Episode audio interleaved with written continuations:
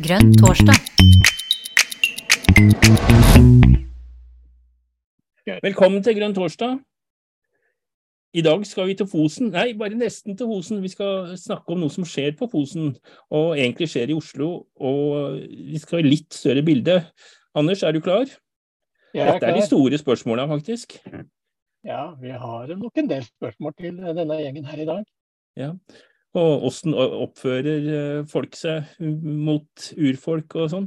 Ja, eh, jeg heter i hvert fall Jon Lurås og er i redaksjonen i dag, sammen med Anders Marstrander. Og så er vi så heldige at vi har fått eh, partileder i Miljøpartiet De Grønne, Arild Hermstad.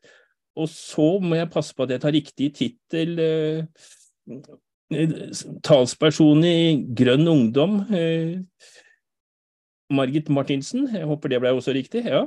Eh, og så eh, har vi en eh, historiker, Tommy Reinås er også med her, for han har vel kjent historien hele tida. Jeg tror du har fulgt med på dette så, før det kom ned til Oslo. Så det er noen dimensjoner som kanskje vi kunne når, når vi andre ikke er helt oppdatert, så håper jeg at Tommy kan også steppe inn her. Det er ikke nytt at Trøndelag er ti år foran det.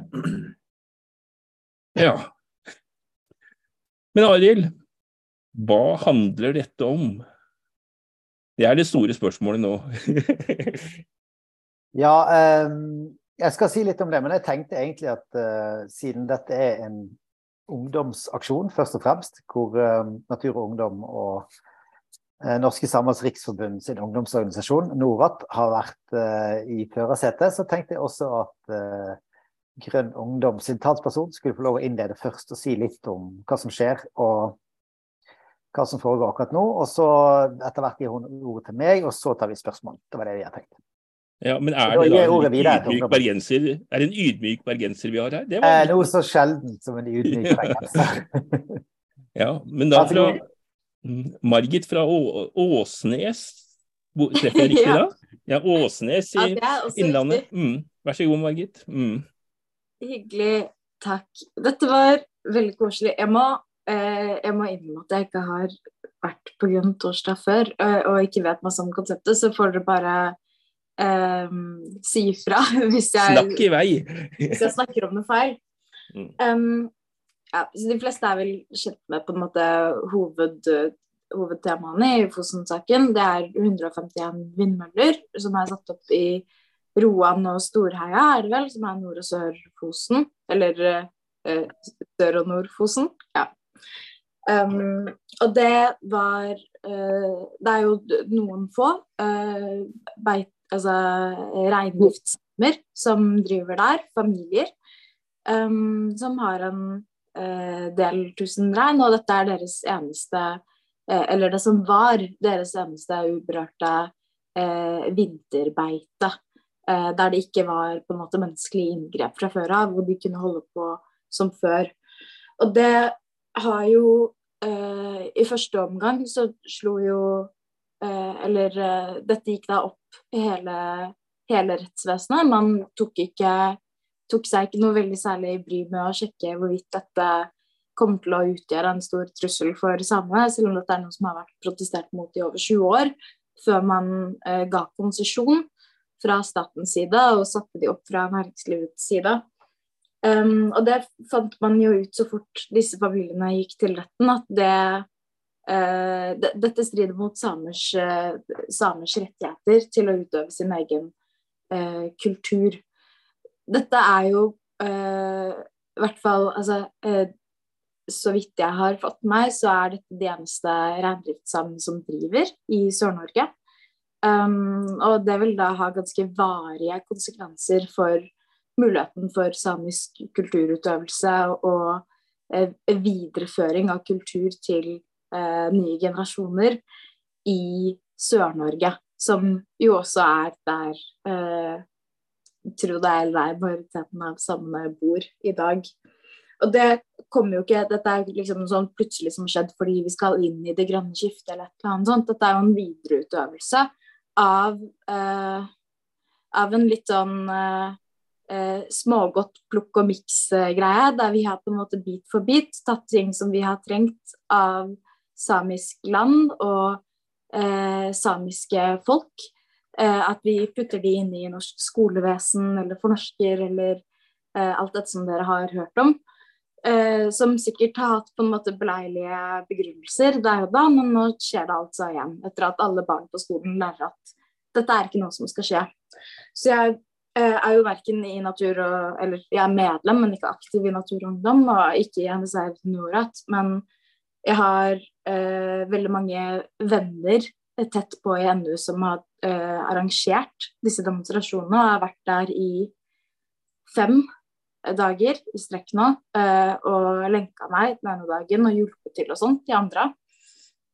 Um, og de har gjort en helt formidabel innsats. Det er en utrolig organisering som ligger bak der, så jeg tenkte å fortelle bitte, bitte litt om den. Det starta jo uh, forrige torsdag, altså akkurat en uke siden. Da tok det seg inn i Olje- og energidepartementet. Det ble dyssa ned ganske mye.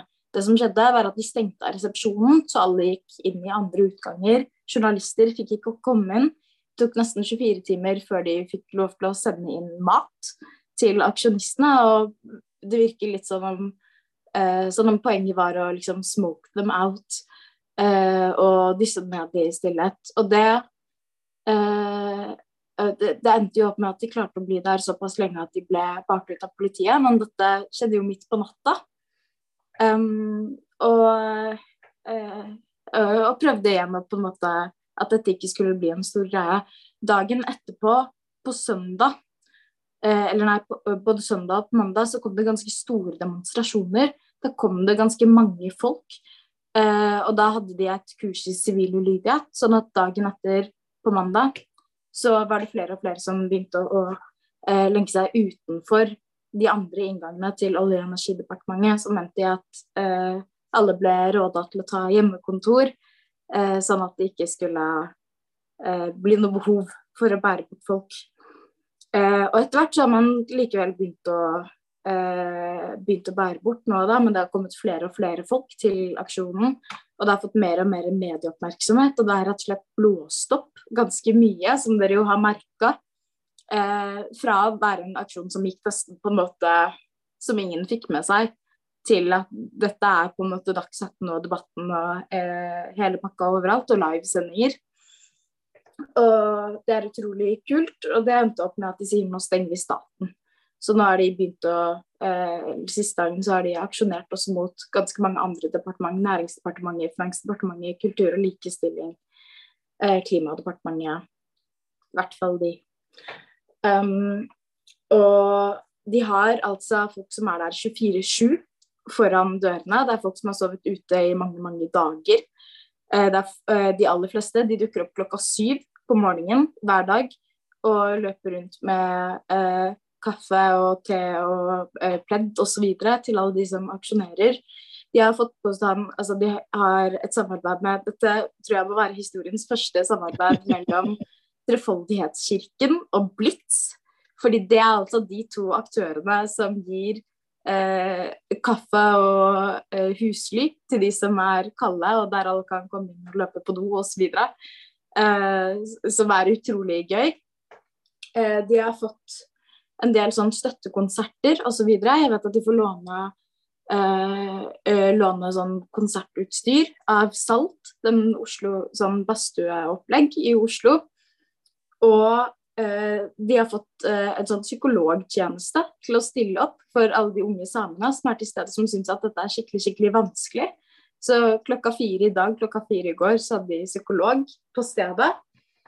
Uh, og en av de på en måte fineste solskinnshistoriene jeg var vitne til fra den demonstrasjonen, en av de som aksjonerte inne i Olje- og energidepartementet, Uh, en, uh, hadde en familie som har vært veldig sterkt påvirket av den for, fornorskningskulturen og den skammen det har vært rundt å være samisk i Norge. Så den personen fikk vevd sin første ko kofte, altså samekofte, utenfor departementet mens de satt inne. Og gikk inn i det departementet for å aksjonere uten å noensinne ha eid en kofte, og gikk ut igjen med sin første.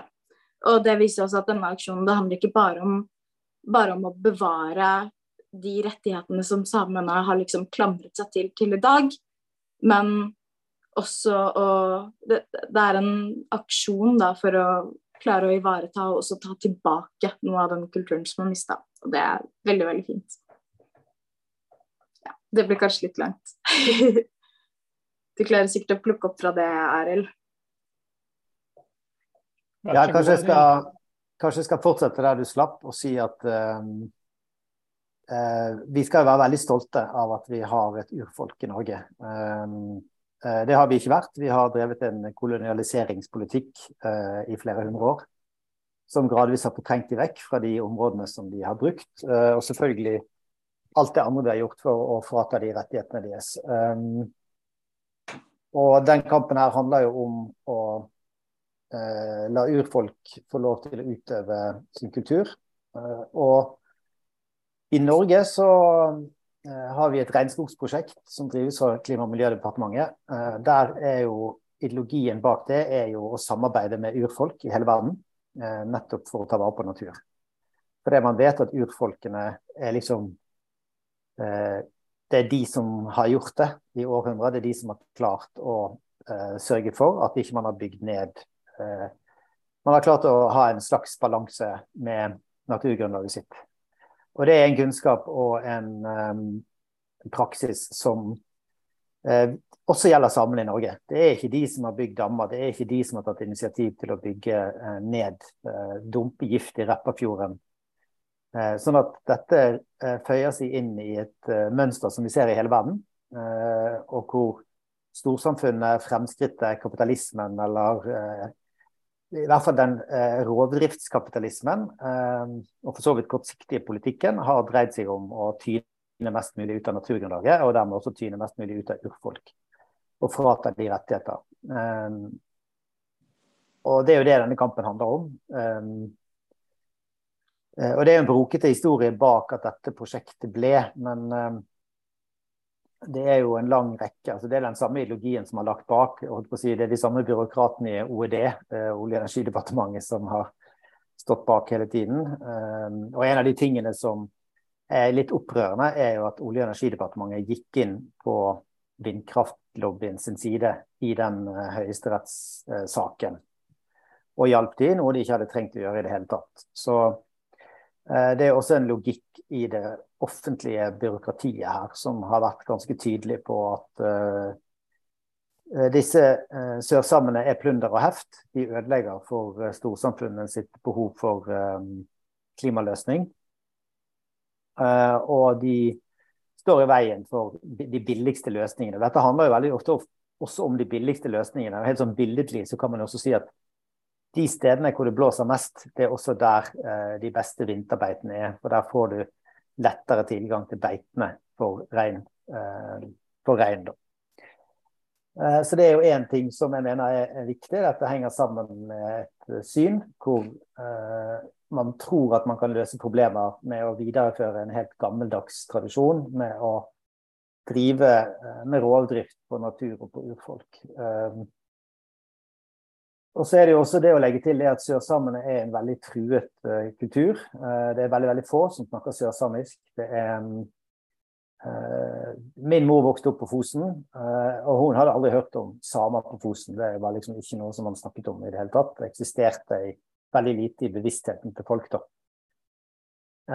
og sånn har det vært for veldig mange. Sånn at nå kan du si at Eh, Alta ga jo en del eh, aksjoner i 1979, 1980, 81 ga jo en god del eh, oppmerksomhet rundt de samene i nord sine rettigheter. Vi fikk sameting osv. Men sørsamene har, havnet, eh, har fått veldig lite oppmerksomhet på samme måte. Så de har jo kjempet i veldig mange år eh, for sine rettigheter. Eh, og som han Peska Nias sa på den ene dagen sånn dette her er ikke noe festival, det vi holder på med. Dette er blodig alvor. Dette er en kamp vi har stått i veldig, veldig lenge. Eh, og hele den dommen som kom altså i oktober 2021, og som ble møtt med total taushet og vi trenger ikke gjøre noen ting, type eh, tankegang, den eh, er jo også et en kraftig påminnelse om at samene i Norge har ikke det samme rettsvernet som andre grupper. Eh, eksempelvis eh, Rederiforbundet, som i 2010 vant en rettssak mot Finansdepartementet med seks høyesterettsdommere mot fem. Eh, slapp en skatteregning på 21 milliarder kroner. Det var ikke sånn at regjeringen da tenkte at nei, dette vi bryr oss ikke så hardt om Høyesterett sin dom her. Dette, vi, her skal vi finne et nytt kunnskapsgrunnlag som gjør at vi likevel kan skattlegge rederinæringen for de 21 milliarder kronene som de fortsatt skylder oss. Eh, men i praksis er det det de har gjort med samene på Fosen. Sant? Her har de sagt at uh, vi har ødelagt livsgrunnlaget deres. Uh, vi skylder ikke de noen ting. De må bare vente til vi har funnet en løsning som gjør at vi kan fortsette å ødelegge livsgrunnlaget deres uten at, det, uten at Høyesterett eller uten at det ser så, så, så stygt ut. da.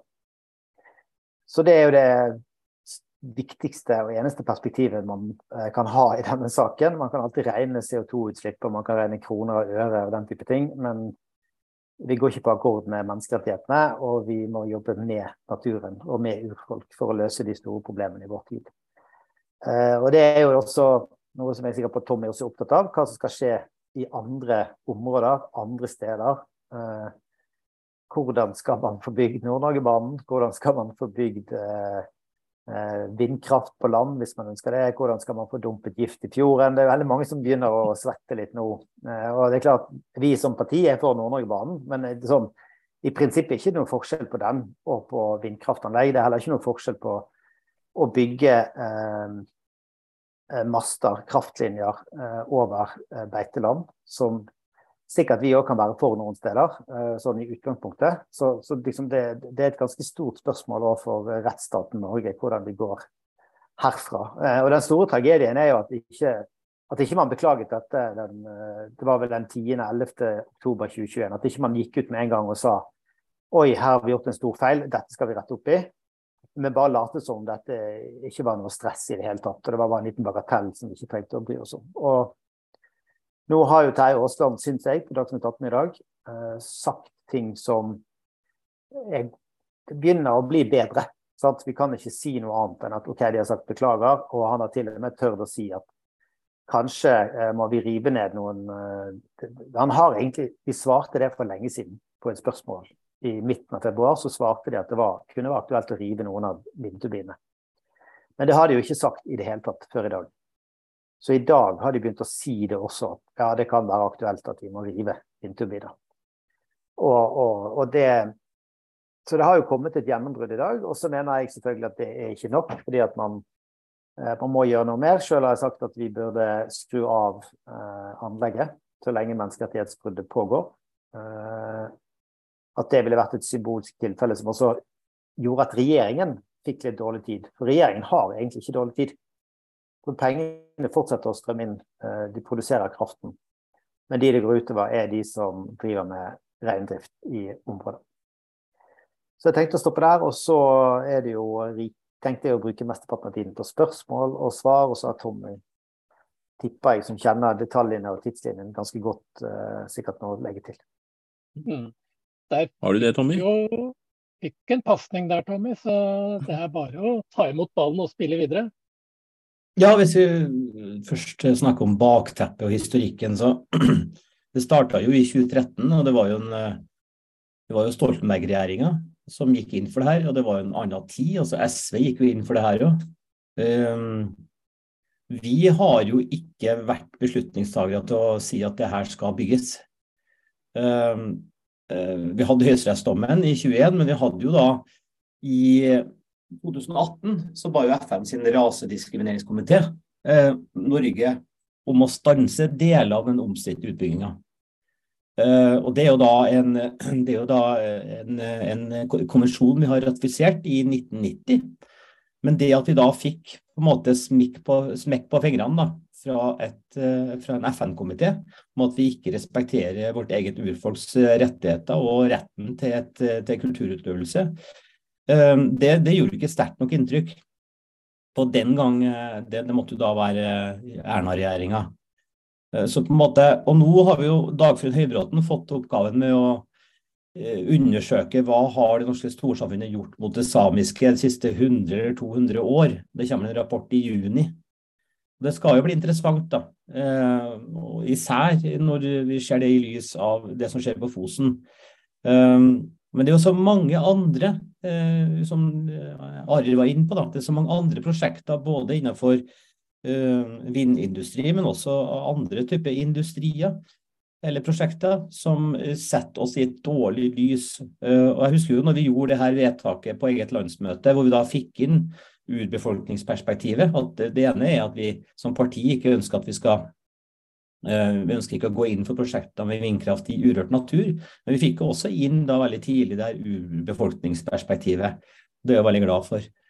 Eh, men det er klart, det her må jo danne en slags bunnplanke for hva, hvilke rettigheter har vårt eget urbefolkning. Eh, og Det skal bli veldig spennende å se hvor man da lander. Og så håper jeg jo at, eh, at det blir slutt på tompratet. Og Jeg er jo veldig imponert over Natur og Ungdom og, og, de samiske ungdommene som står på barrikadene her. Spesielt hun, hun som leder aksjonen, hun eh, er det Hetta. Eh, fremragende. Helt ikonisk, eh, stødig, tydelig aksjonsleder som jeg er veldig imponert over. Mm. Jeg kan jo begynne, jeg, da dere nå på en måte har fått tømt dere litt. Eh, jeg ser i hvert fall eh, rett det som Arild sa mot slutten her, hvor det nå åpner seg Regjeringen begynner å ta noe, et form for grep. Det er iallfall eh, Selv om det ikke virka tilsynelatende under Alta-aksjonen, så ser vi jo at sivil ulydighet faktisk virker.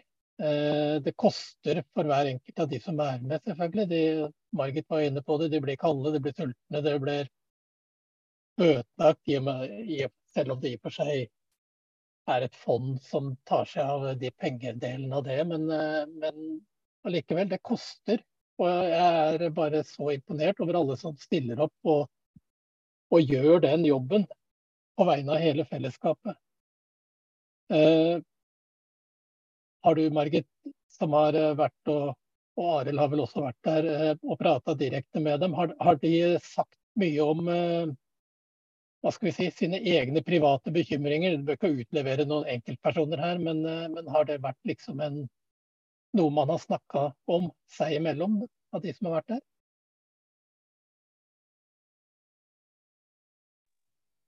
Jeg eh, kan starte, jeg, da.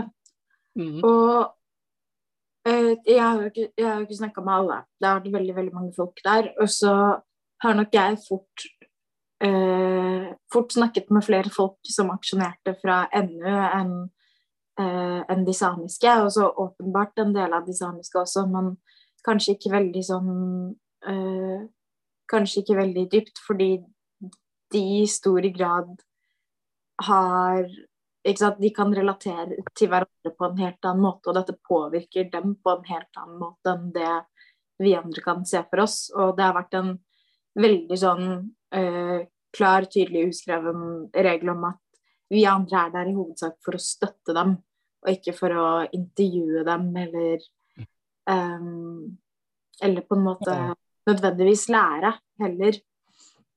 Uh, så Men mitt inntrykk er at folk er veldig, veldig mye mer bekymra for eh, på en måte de eh, Ikke sant. Hvordan Norges befolkning eh, og, og, Sverige og Finlands for så vidt befolkning ser på samene. Hvordan den faktiske framtiden deres er, om de kommer til å klare å beholde kulturen sin, om de kommer til å klare å beholde rettighetene sine, livsgrunnlaget sitt. Det har vært ganske store spørsmål som når jeg har gått rundt ved aksjonene, som jeg har hørt folk snakke om. Jeg har gått rundt og sett folk gråte, men det har aldri vært fordi de har vært kalde eller fordi de har, eh, har fått bøter. Så ja. Det er i hvert fall ja, mitt klare inntrykk. Mm. Ja. Arild, du hadde noe å legge til, kanskje?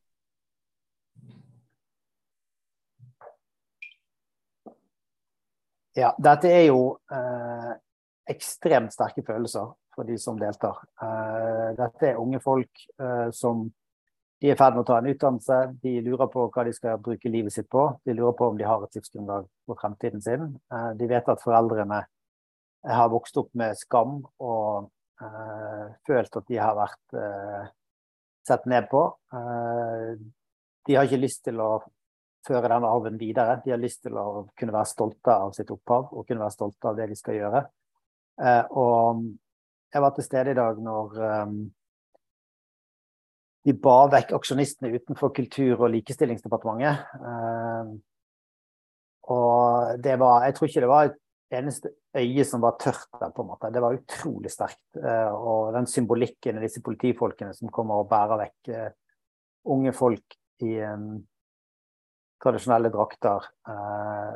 det, ja, jeg syns det var det var opprørende. Og det var jo også sånn symbolikken i at dette var Kultur- og likestillingsdepartementet. Sant? Altså hvilken mm. kultur er det vi snakker om? Hvilken likestilling er det for samene? sånn, så det er liksom Jeg syns det, Jeg tror det er det som er det tøffe. Men, og det, sant? Denne støtten de nå får, denne manifestasjonen Jeg sto ved siden av hun eller Marie, og fikk, plutselig kom det bare en forbi og ga masse blomster til henne. Og dere gjør en så god jobb. Sant? Og, så, sånn. Og det å kjenne på den støtten tror jeg nok er, er ekstremt eh, oppløftende, men samtidig òg veldig tøft. Veldig tøft å stå i. Så aksjonen har nok, eh, håper jeg, da kommer til å gi en, en ny boost, eller en ny på en måte eh, selvtillit for den samiske befolkningen, som også ser at de har gode venner i storsamfunnet, og at de må fortsette kampen, og at de gjør det at de har den støtten. Og så vil de vite at systemet, storpolitikken, Eh, de store kreftene de vil fortsette å prøve å få tilgang til de ressursene som samene har. Det, så dette er jo også en kamp om ressursene, hvor uh, urfolkene våre, som vi burde vært stolte av, og som vi burde tenkt at de, de vet hvordan vi skal ta vare på naturen vår. og vi må se dem på som en ressurs, men de blir istedenfor sett på som et problem i møte med ja, hva det skulle være. Om det er sjeldne metaller til eh, solcelleindustrien som brukes som unnskyldning, eller om det er behovet for å kutte CO2 på oljeplattformene til Ola Borten Moe utenfor Trøndelagskysten, eller hva det nå måtte være, så er det liksom de som skal betale prisen. Mm. Thomas, du har lyst til å si et eller annet? Kanskje spørre om nå? Ja, eh, si litt. Grann. Eh, Arild nevnte det helt innledningsvis, at det, er sterke ting, det her. Jeg har også vært og, og møtt dem og, og hilsa på demonstrantene i dag. Eh, jeg ble så provosert ut når at politiet begynte å line seg opp og sperre av gangvei der de skulle bære demonstrantene inn i bilene utenfor eh, Kommunal- og likestillingsdepartementet i dag, at de måtte bare gå derifra. så for at eh, det, det, Uh, og det er sånn som hun Jeg var borte på Finansdepartementet etterpå og prata med, med, de som satt der. Og det er som hun sa, hun ene, at uh, det, det, er egentlig for, ja, for jævlig at vi må reise ned til Oslo for å vise hva det er for noe vi mener om det her. Men vi er lei ut av å stå i, og rope i fortvilelsen ut av kjøkkenvinduet vårt hjemme, for der er det ingen som hører. Og, og den, den, den, styrken og det samholdet så ungdommene faktisk viser i det her. Det, det tror jeg vi gammelhundene må virkelig bare ta inn over oss eh, framover. Eh, for at det er jo nettopp det det handler om, vil jeg påstå. Det er en, en, en fortvilelse som, som, eh, som, har gjort at, at, at, det har blitt sånn som det her. Og at de, de har måttet ha gått til det, det grepet og bedrive sivil ulydighet og, og, å, demonstrere for, for, det de tror på, og for, for sin egen framtid. Ikke sant? Eh, og ikke bare deres, men, men, også fremtidige generasjoner. Så, så, det er nesten sånn at det her eh, naturnedbyggingsaspektet i det her, det blir litt, eh, litt borte i, i den eh, fortvilelsen ut av, det, si, det, opplevde overgrepet som, som skjer nå. Og så er jeg glad for at Tommy var litt innom på, på Sannhetskommisjonen. Jeg er fra Tysfjorden, så jeg har, jeg har ikke snakka med dem eh, sjøl, men jeg kjenner en del folk som sitter i, i kommisjonen. Og uh, kjenner veldig mange som har, uh, har snakka med dem. Og det her med, med denne forsoningsgreia, det er jo noe som jeg håper jo at, at vi virkelig i MDG kan, kan vise. uh, og, og, og, vise litt vei i. Fordi at det er ikke å stikke under en stol at, at det er forskjellige interesser innenfor eh, ja, både det samiske og urfolkningsmiljøene generelt også, både i forhold til det her med, med Fosen, men, men også i et, i et, bredere perspektiv. Hvor at du har folk som snakker varmt for, for rett og slett naturnedbygging som en, som en rett også vi har. Jeg kan jo nevne et, et kraftverkssamarbeid på tvers av på tvers av eh, eh, grensa mellom Norge og Sverige i, i mine egne heimtrakter. Så, så det, fordi at de mener de har, de har hevd på det, og, og, de skal ha inntektene ifra. Ja. Da har uh, Tommy lyst til å si noe her. Takk for det. Nei, det er veldig Jeg har jo håp nå, da, om at, uh, at vinden kan snu, og at den sittende regjeringa kan rydde opp i det her rotet. Og finne, finn en gyldig løsning som samiske, uh, den samiske kulturen kan leve med. Som da gjør at man, at man ikke uh, ofrer urfolks rettigheter og menneskerettigheter på, på alteret for, for, for et eller annet som har med vekst å gjøre. Og Da er det interessant å se på Fosen-saken i en større sammenheng. Eh, fordi Fosen-saken den føyer seg inn i en rekke saker som danner en veldig urovekkende norm, da, hvor samiske interesser ikke tas hensyn til, eh, når det er i konflikt med storsamfunnets eller industriens interesser. Vi ser det gang på gang. Vi ser det på Fosen. Vi ser det i Repparfjorden, som Arild var inne på, eh, i Vest-Finnmark eller til oppe i Tanaelva i Øst-Finnmark. Vi må være klar over at vi har forskjellige samiske kulturer. Også vi, har det, vi har det sørsamiske, vi har det, det, nordsamiske, og vi har jo en par andre også som ikke husker i farta. Men vi har reindriftssamer, vi har elvesamer, vi har sjøsamer. Og det er ulike kulturer eh, som har da en kulturarv og et språk som er knytta til deres virke. Eh, altså Reindrifta tror jeg var snakk om at de hadde var det 300 ulike ord og uttrykk for snø, eh, f.eks. Og det er jo, Vi har ikke det på, på trøndersk eller norsk, men det er jo fordi at eh, det virket de har, er såpass kultur. Eh, det, det, ja, det er selve essensen da, i, i, i, i, denne, denne kulturen. Så jeg er veldig spent på hvilken løsning finner man på Fosen, og hva betyr det for alle andre prosjekter. Eh, eksempelvis eh, Tanafjorden. Og Der kan det jo være interessant for oss som parti å kanskje uh, sette litt press på regjeringa. Man må være klar over at her må man danne et sånn minimumsnivå for vi, hvor stor respekt har vi som storsamfunn for vår egen urbefolkning. Og Det vil da danne en presedens for hvordan skal vi rydde opp i en rekke prosjekter uh, ja, i, i hele Norge. Så det er en ganske stor jobb som står foran oss. Eh, men jeg har, jeg har litt, litt, snev av optimisme i forhold til at regjeringa i dag har klart å i alle fall si beklage. Ikke, ikke, ikke, de har ikke brukt ordet unnskylde, men de har beklaga. Eh, og at man da ser både eh, behovet for kortsiktige tiltak og langsiktige tiltak. Og Jeg er veldig glad for at partiledelsen ved partileder Arild og LAN og ja, hele gjengen. Christopher eh, Robin har vært der. Eh, de fleste partiledelsen. Torkil har vært på, på, på, på ballen her. Og det syns jeg er, veldig hyggelig å se. Takk, Tommy. Eh, at du skulle være optimist, det var jo ja. Men eh, eh, får vi se Arild sette seg ned, eller er det det er å gå for langt, kanskje. Jeg, jeg, jeg, er litt nysgjerrig. Jeg skulle veldig gjerne sett at noen voksne satt Eller voksne, ja. noen eldre herremenn også satte seg ned her. Det, det ville vært interessant. Eh, jeg må jo innrømme at jeg har sittet i demonstrasjon, men det er fryktelig mange år siden. Eh, så ja, Arild. BI-mannen Arild. Nei, altså, jeg har aldri gått på BI, det vil jeg bare demontere. Jeg går på Det er liksom the real. Men, um, uh, nok om det. Jeg, jeg har vært veldig tydelig på at jeg var jo der på mandag morgen uh, og, fra klokken syv og var der for å vise solidaritet og støtte. Og det var det de egentlig ba om.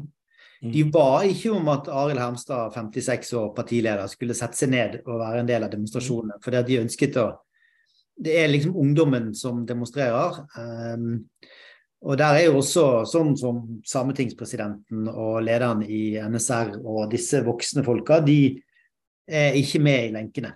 Sånn at mm. Margit kan lenke seg. Uh, men Eh, så det tror jeg ikke. Og så er jo Vår primære måte å jobbe på er jo gjennom det politiske systemet. Eh, vi har jo også diskutert skal vi foreslå ting på Stortinget nå, f.eks. å stenge anlegget. Det gjorde vi jo i 2021. Da hadde vi et forslag om det. Når, og Chris tok jo veldig godt tak i dette når hun var partileder fungerende høsten 2021.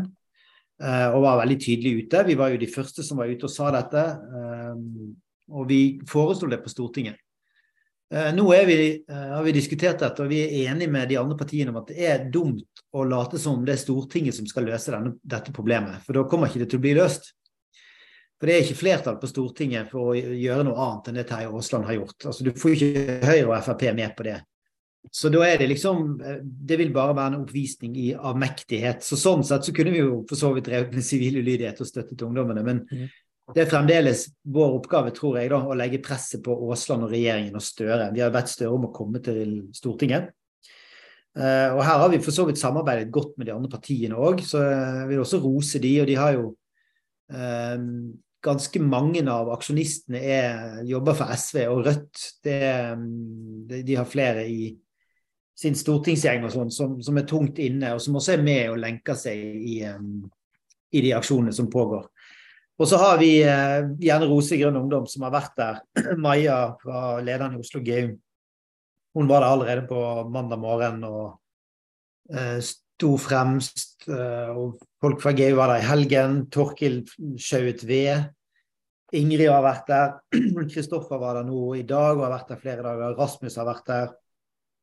Og jeg har sjøl hengt ut så mye der at jeg jeg har blitt litt kald noen dager. og følt litt på hvordan det er. Da. Det er klart at det, som Anders er inne på, det er jo klart det er tøft for demonstrantene å være der eh, og, og, gjøre det. Men de får så I dag måtte Margit sjaue tepper, f.eks. For fordi at de frøs litt. Det var kaldere i dag enn det har vært før. Så når det kommer til sivil ulydighet, så er nok eh, kanskje E6 Lågendelta det, det, er jo et eksempel på på en måte det samme. Sant? Det er dette synet om at vi bare overkjører de hensynene som står i veien, om det heter naturreservat eller hva det er, fordi at vi må mm. fortere frem.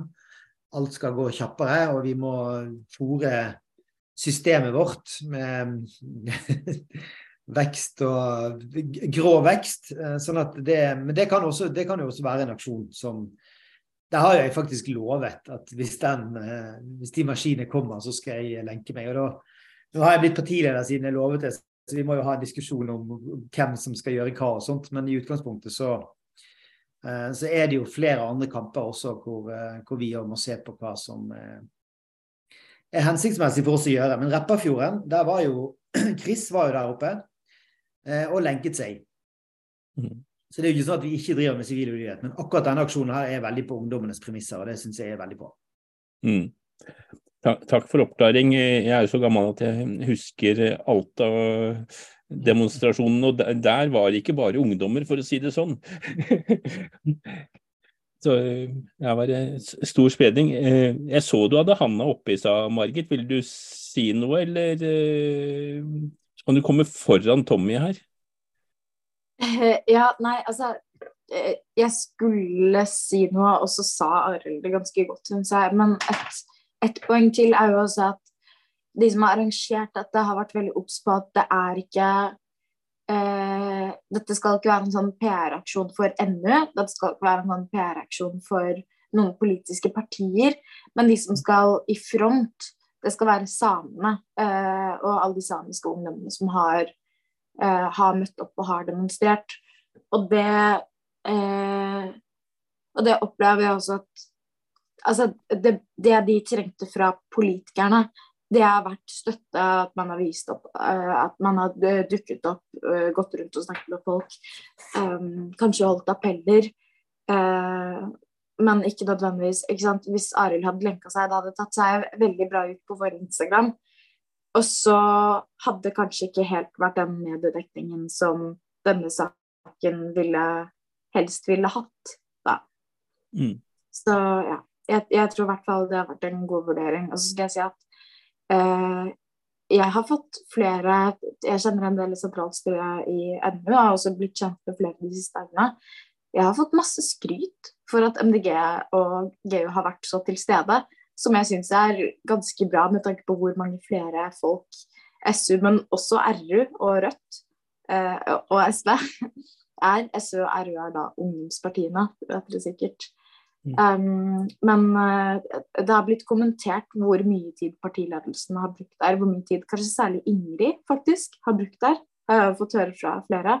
Men også GU, som, er, som jeg syns er ganske kult med tanke på hvor få vi egentlig er i resten.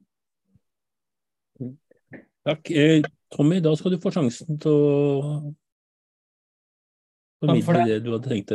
Mm. Ja, nei, det, altså når man da nå da tar til orde for å eh, stoppe vindmøllene så lenge menneskesbruddet skjer, eller man finner en løsning hvor man skal fase ut eh, Nord-Europas eh, største vindindustripark, så betyr jo det at det er en del energi som eh, ikke blir produsert som er fornybar. Og Da er det mange måter å se det på. Fylkesordføreren i Trøndelag, Toro Sandvik, sa, sa i et intervju i Adresseavisa for noen dager siden at strømproduksjonen tilsvarer det samme strømbehovet som alle husstander i Trondheim, altså det årlige strømforbruket da, til hele Trondheim når det gjelder private husstander. Og Det er jo en sammenligning som kan gjøre at folk tenker ja, ja, men det, det er jo ikke mulig. Eh, den grønne argumentasjonen må være det at eh, når vi nå da har Vi har to kryptofabrikker som har poppa opp i Trøndelag siste tida. Vi har en ganske stor, eh, det har to, vi har to lokasjoner. Vi har en oppe i Namsskogan som bruker 40-50 megawatt, men har ambisjonen om å bruke over 100 megawatt på valuta. Og så har vi en lokasjon oppe i Tydal eh, som i dag bruker 80 megawatt. Så bare de to lokasjonene eh, vil bruke mer strøm eller tilsvarende som det alle private husstander gjør i, Trondheim årlig. Så det betyr at uh, egentlig så sier de grå politikerne at vi har ikke mulighet til å rive ned vindmøllene, for vi skal fortsette å produsere krypto. Og Da må vi som grønt parti si vil krypto redde verden? vil krypto eh, føre oss på veien ut av naturkrisa, klimakrisa, ja eller nei? Vi vet at svaret er nei. Og så har det også vært en annen prosess nå med oljeselskaper. Altså oljeselskaper, F.eks. Eh, Ola Borten Moe sitt oljeselskap Okea har jo eh, en konsesjon på gang, husker ikke om den har blitt innvilget allerede. Men der også er det jo enorme strømmengder mm, som man skal ha, eh, egentlig fra Fosen, ut da for å grønnvaske to oljeplattformer som, som, som skal koke kloden videre noen tiår. Og der må vi være på, på ballen, tenker jeg, som parti. Arild er frampå her. Jeg tenkte vi, bruke, vi må bruke litt tid på den der den problematikken her. Det er jo en interessant diskusjon. Arild? Ja, det var det jeg tenkte jeg skulle si, da. At um, det som Vi kan være enige om at, at vi har ganske god politikk i dette partiet. Og vi har jo sagt nei til krypto for lenge siden. Vi har for så vidt også et landsstyrevedtak når det gjelder Fosen, uh, som er ganske tydelig. Uh, og vi har egentlig alltid stått på rett side i denne saken. Rasmus har også vært helt tydelig imot når dette ble kjent, når han var stortingsrepresentant. Um, og så har vi jo um, fått en mer og mer tydelig uh, standpunkt når det kommer til oljesektorens behov for elektrifisering. At der mener vi at det må løses uten kraft fra land. Og jeg kunne jo også dratt historien om um, altså når jeg var i Nord-Norge nettopp, så i Tromsø så planlegger selskapet der å bygge et uh, biogassanlegg med biokull som restprodukt. De trenger en ørliten mengde, to megawatt. Jeg er ikke så god på det, der, men altså veldig lite strøm. Men det får de nei til. Fordi at uh, Melkøya skal ha ca. Sånn 300 ganger så mye eller noe sånt som de har fått ja til. Uh, så det vi diskuterer nå på Stortinget, er jo å lage et forslag hvor vi differensierer mellom uh, hvilke altså Uavhengig av hvor mye strøm du produserer, så driver jo Statnett og de har egentlig tilknytningsplikt. Så hvis noen setter opp et eller annet anlegg, så skal man eh, knytte seg til. Og det spiller ingen rolle hva dette er for noe, hvor utrolig meningsløst eh, produksjonen skal være. Så der mener vi at vi må ha kriterier på plass. Man kan bruke EU sin eh, taksonomi som et utgangspunkt for det. Eh, vi bør kanskje være eller vi, Den er egentlig ikke streng nok, sånn hvis jeg skal være helt ærlig. Så den tillater noen gassgreier som, vi, eh, som ikke er bra. Eh, men det, det, er helt åpenbart at den strømsituasjonen som kommer til å være i Nord-Norge om syv-åtte år, hvis Melkøya får all den strømmen, det er liksom da kan Trøndelag gå og legge seg, på en måte. Da har dere flust med strøm. Og Nå er det kommet en del undersøkelser som viser at strømmen i Trøndelag, eh, hvis man stenger dette, så vil prisene gå opp med ett øre i snitt i år og neste år, og så vil, den, så vil ikke det være påvirket uh, av det etterpå det. Så, så, det er ganske sånn at Man hauser opp dette til et veldig veldig uh, mye større problem enn det er. Og um, Det som selvfølgelig er problemet med denne regjeringen, er at man eh, overlater egentlig til private aktører, eller markedet, eller hva du vil, til å finne de billigste og enkleste løsningene for å løse klimakrisen. Man gjør ikke den jobben det er å gå på energisparing enøk. Der burde vi egentlig stilt mistillit mot Terje Aasland. De har ikke gjort noe som helst med det vedtaket som stortingsflertallet tvang på dem for et halvt år siden. Eh, altså De sitter og tvinner tommeltotter. De, de har, altså Før Fosen-dommen kom, så burde de satt i gang med enøktiltak pga. de økende energiprisene som var i Sør-Norge på den tiden. Men de har fremdeles slept beina etter seg. De gjør ingenting på sol. Svenskene er liksom 100 ganger bedre enn oss. Eh, og når det kommer til havvind, så er jo vi for det. Eh, men forutsetningen for å gjøre det på en vettug måte, er jo at man begynner med naturkartleggingene. De klarer ikke engang å sette opp sånne enkle eh, små kameraer ute på plattformene f.eks., som allerede står der. De koster en slikk og ingenting for å kartlegge fugletrekk. De kunne gjort så ekstremt mye for å forberede en forsvarlig og stor eh, vindkraftsatsing til, hav, til, havs. Men det gjør de ikke. Sant? De overlater det på en måte de, ja, de lukker øynene og tenker at dette går fint, og at markedet kommer til å fikse det. Mens de kaster penger til oljenæringen. Så det er jo eh, den unnlatelsessynden som de gjør, for det er altfor vanskelig å gjøre ting på lag med naturen. Det er, alt for, det er for krevende. Det, det, det, blir for intellektuelt vanskelig for folk å få det til. Så det eh, tenker jeg det viktig å huske at vi har en utrolig viktig rolle med å eh, kjempe for de, eh, de, løsningene som er på lag med urfolk og lag med natur. Og med de som kommer etter oss, ikke minst.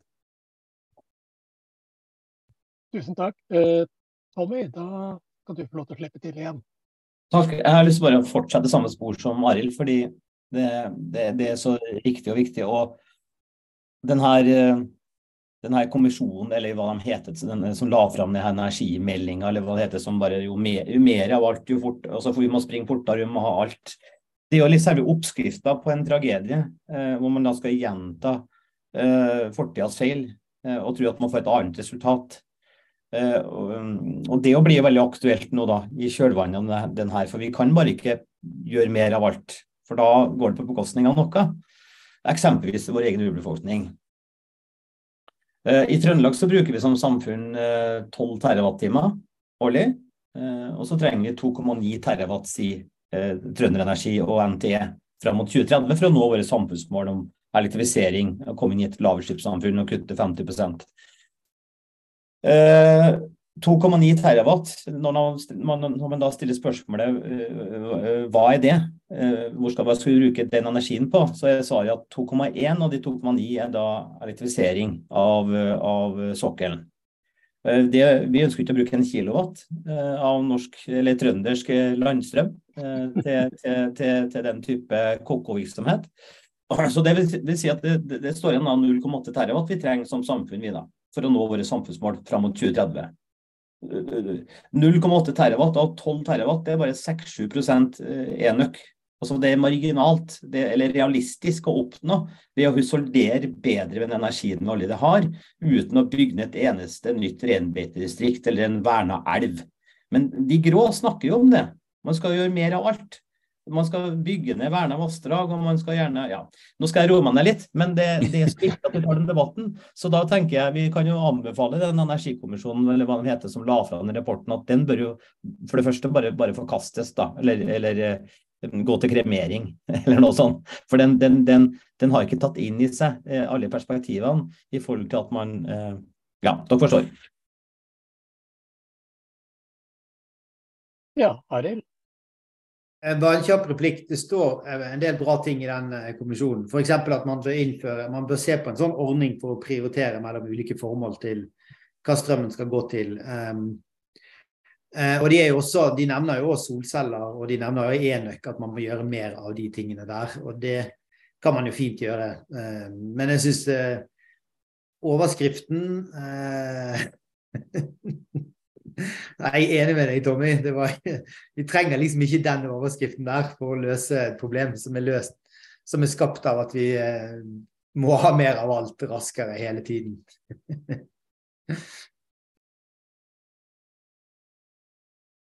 ja. Øh, der, oi sann, her rydder det på med hender. Mar øh, Margit først. Ja, jeg tenker i hvert fall at hvis vi skal se på det litt sånn veldig idealistisk, da. Kanskje et slags godt utfall av de siste årene er at nordmenn kanskje kan begynne å forstå at det er veldig få ting som kommer kostnadsfritt. Og det gjelder ganske mange aspekter ved livene våre, på en måte levemåten våre. Og vi ser i hvert fall nå at det gjelder også energi. Man lærer jo Uh, man, jeg husker selv fra liksom, egne naturfagstimer på skolen. ikke sant? 92 av all, uh, av all strømmen i Norge det kommer fra vannkraftverka. Dette, dette, er perfekt, og vi har lave priser for alt i Norge. Og så, uh, og så ser man at situasjonen kan endre seg ganske raskt. Og at selv disse vannkraftverkene de har, de har kostnad. Og det, er, det, kan være natur, det kan være urfolksterritorier. Um, og så er det syns jeg det er fint at den saken her har belyst at eh, belyst at også på en måte ren energi har påvirkninger um, eller har konsekvenser eh, som man må drøfte på en annen måte enn bare som et slags sånn ja-nei-spørsmål til vindkraft eller ja-nei-spørsmål til vannkraft, som debatten har gått i litt før. Og kanskje kan det være en slags, forhåpentligvis en øyeåpner for framtidige energidiskusjoner. Det handler ikke bare om at vi må ha som Tom sier, mer av alt, men vi må tenke litt over hva, hvor og hvordan på en annen måte enn vi har gjort før. Tusen takk. Eh, jeg syns vi faktisk har hatt en uh, veldig fin og opplysende liten time her. Uh, på den ene siden du har uh, altså, Når du leser avisene og ser på TV og slikt, eh, så har du på den ene siden urbefolkningsrettigheter og menneskerettighetsbrudd. og Det er liksom den delen av diskusjonen. Men vi har også vært inne på den andre delen som veldig mange av de som ikke nødvendigvis er enig med MDG i alt, eh, er veldig opptatt av det med energidelen og, og, og kraft og sånt. Og som du var inne på, Arild, vi har jo verdens beste politikk, så vi har jo svaret på begge sider av, de, av den diskusjonen der. Eh, og jeg har bare lyst til å bringe det eh, enda et hakk ja, hva skal vi si, større, da, om du vil. Eh, for at, Du var inne på det helt i begynnelsen, Arild, i din del av innledningen. Eh, vi støtter eh, urbefolkning i Brasil, f.eks. rundt eh, det med regnskog osv. Eh, vi har sett, eh, og det har vært ikke offentlige protester, men i hvert fall, men vi hadde jo da det her eh, Dakota Access Pipeline borte i USA, hvor de skulle føre en oljeledning gjennom et, et reservat med Standing Rock Zoo. Det har vært situasjoner i Canada. Det er, det, vi føyer oss inn i en, hva skal vi kalle det, en vestlig tradisjon om at der urbefolkningen har eh, og, og, da må jeg nesten bruke anførselstegnet landerettigheter, for det, eh, det viser seg at de ikke alltid har de rettighetene. Eh, så er det ofte økonomiske hensyn som vinner. Kraftproduksjon eller, eller hva det måtte være av andre ting. Og da, er jo, da kommer vi tilbake til at det denne saken handler om for noen, er økonomi og energi og strømproduksjon, mens det for det veldig mange andre handler det om eh, kjernen i, eh, i deres eh, livsutfoldelse og kultur.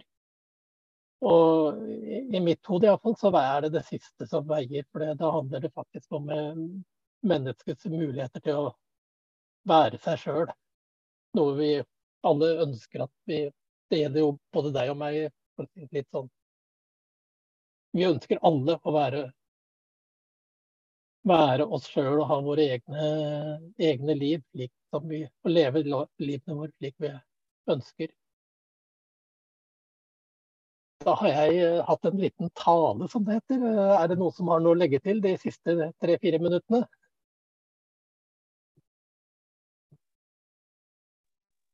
Margit har det. Margit? Jeg kan si noe veldig kort, i hvert fall. Uh, og det er jo at uh, hele, hele, dette og hele disse aksjonene ble en litt spesiell opplevelse for meg, fordi det starta jo på uh, Eller altså den ok okkupasjonen, holdt jeg på å si, starta jo på torsdag, men demonstrasjonene på søndag. Og, og jeg kom jo hjem til Oslo natt til lørdag fra de algeriske flyktningleirene i Vest-Sahara. Der jeg hadde vært med Vest-Sahara-komiteen og lært om situasjonen der. og cirka Uh, og så skal ikke jeg snakke masse, masse om Sahara-Ruine nå, men det er også et okkupert land. De hadde sin egen stat, og i 1975 ble det, ble det en spansk uh, uh, Eller, ja. Og det var en spansk koloni veldig lenge, og ble i 1975 gitt over til Marokko. Og det er nå Afrikas eneste gjenværende En veldig interessant ting å tenke over når jeg kom hjem og dro på disse demonstrasjonene, er jo at Marokko de har brukt uh, De driver og setter opp vindmøller i okkupert land i Vest-Sahara. Uh, og bruker strømmen og selger den til EU som et slags sånn legitimeringstiltak for, uh, for okkupasjonen. Og det er også sånn litt på en måte kan dra litt linjer til Russland også. Dette er også strøm som EU eh, e i større grad blir avhengig av, eh, som EU trenger. Og man snakker om ikke sant, dette er jo strøm dere trenger i for, forbindelse med det grønne skiftet osv. Uh, og det er igjen med å dra det på en måte til å gjøre det litt, litt vanskeligere for politikerne i EU-parlamentet for å eh, for å si at det Marokko holder på med, ikke er greit.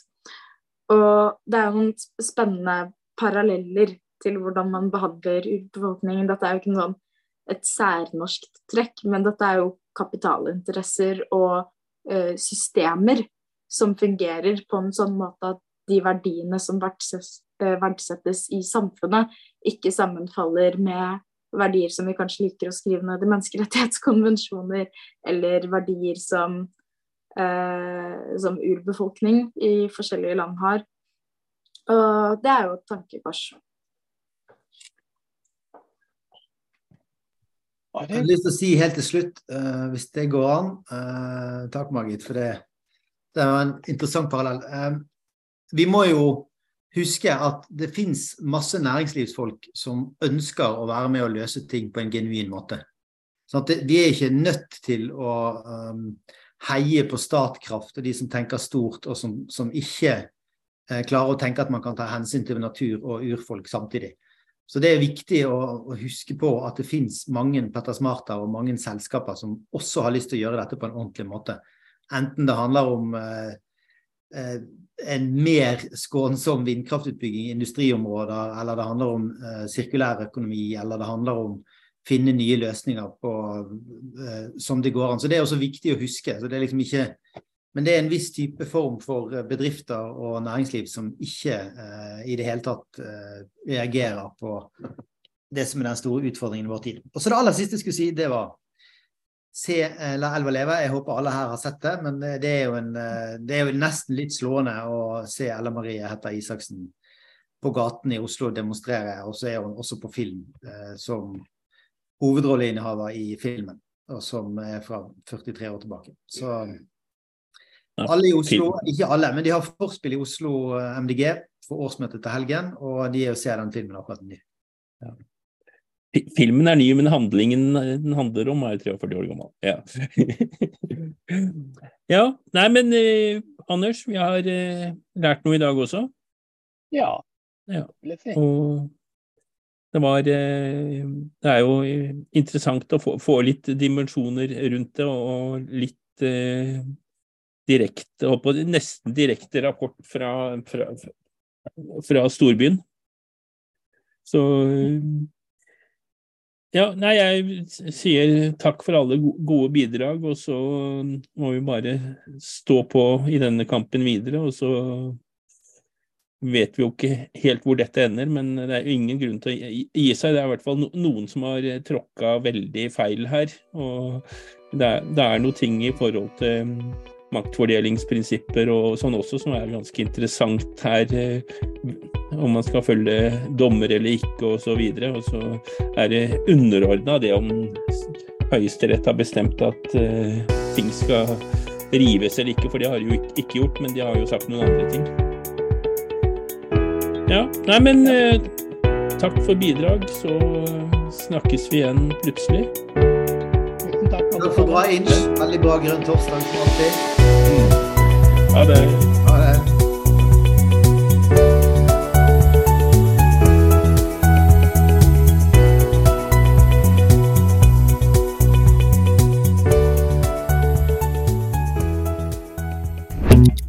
Grønn torsdag.